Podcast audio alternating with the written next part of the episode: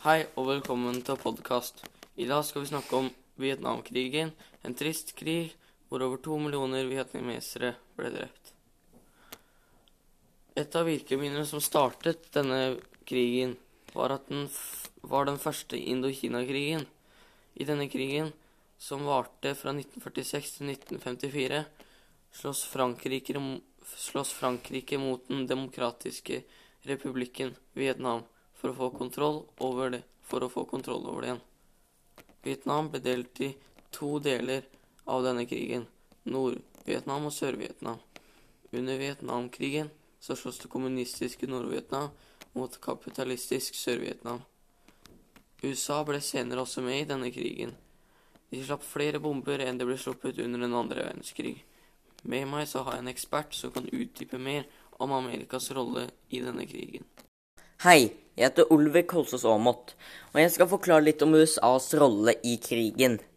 USA ble ordentlig med i krigen 2.8.1964, fordi da ble det avfyrt en vietnamesk torpedo mot et amerikansk krigsskip i Tunkinbukta. Og to dager senere innbilte amerikanerne seg at de var på nytt under angrep. President Johnson gikk da til Kongressen og fikk vedtatt Tok-Ting-Golf-revolusjonen, som ga full militær handelsfrihet. Kort etter iverksatte USA den første bombeangrepet på Nord-Vietnam. Det første av mange. Så Oliver, hva skjedde i årene 1965 til 1967? Vel, i 1965 så kom bombegjengen i gang for alvorlig, og samme år gikk amerikanske bakkestyrker inn i krigen i sør. Amerikanske troppeværet kom inn i 1967, og opp i nærmere en halv million menn mann kom dit.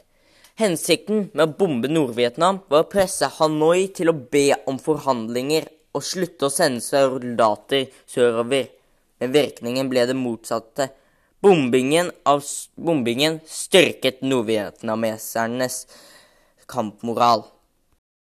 I 1965 ble det innledet, ble det innledet forhandlinger i Paris, men krigen fortsatte under hele Richard M. Nixons første presidentperiode.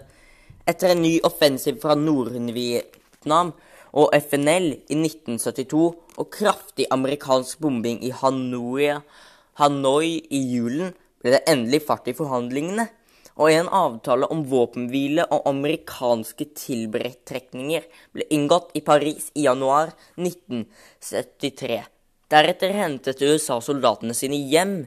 Snart etter brøt både sørvietnameserne og nordvietnameserne våpenhvilen, og igjen omtok handelen i krigen. Men USA ville ikke gjøre noe med det.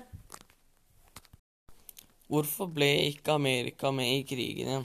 Vel, du ser, Amerika ble ikke med i krigen igjen pga. de hadde nettopp blitt svekket av Watergate-skandalen, hvor president Richard M. Nixon hadde blitt funnet ut at han spionerte på demokratene, noe som er høyt ulovlig. De kunne da ikke gjøre noe, og derfor lot sørvietnameserne til å slåss for seg selv. Hanoi besluttet da å iverksette Ho Chi Minh-offensiven, som først ble til at Sagoy erobret den 30. april 1975, og at de to delene av Vietnam ble forent i den sosialistiske republikken i Vietnam i 1967. Kommunistene, kommunistiske opprørsgrupper tok også makten i Kambodsja og Laos. Etter krigen så hadde det blitt en stor overraskelse for USA. USA hadde aldri tatt en krig, og de ble svært svekket av det.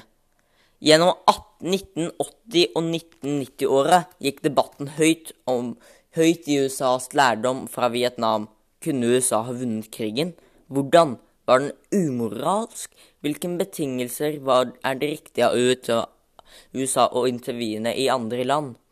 Vietnameserne har ikke hatt tilstrekkelig åpen diskusjon om disse lærdommene.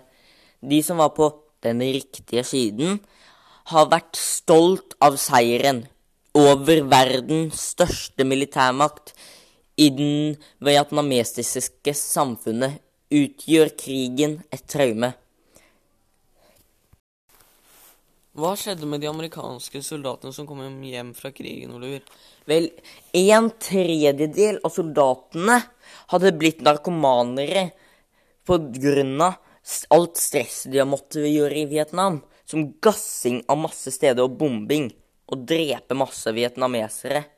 De følte seg sikkert triste og måtte bare ha noe som kunne få smerten til å forsvinne. Så de ble narkomanere. Det synes jeg var veldig trist, i hvert fall. Var Amerikas rolle i Vietnamkrigen viktig, Oliver?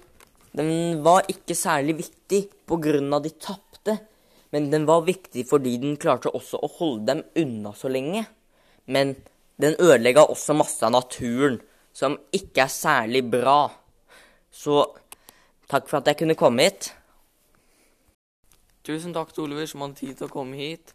Dette var det vi hadde, og takk for oss.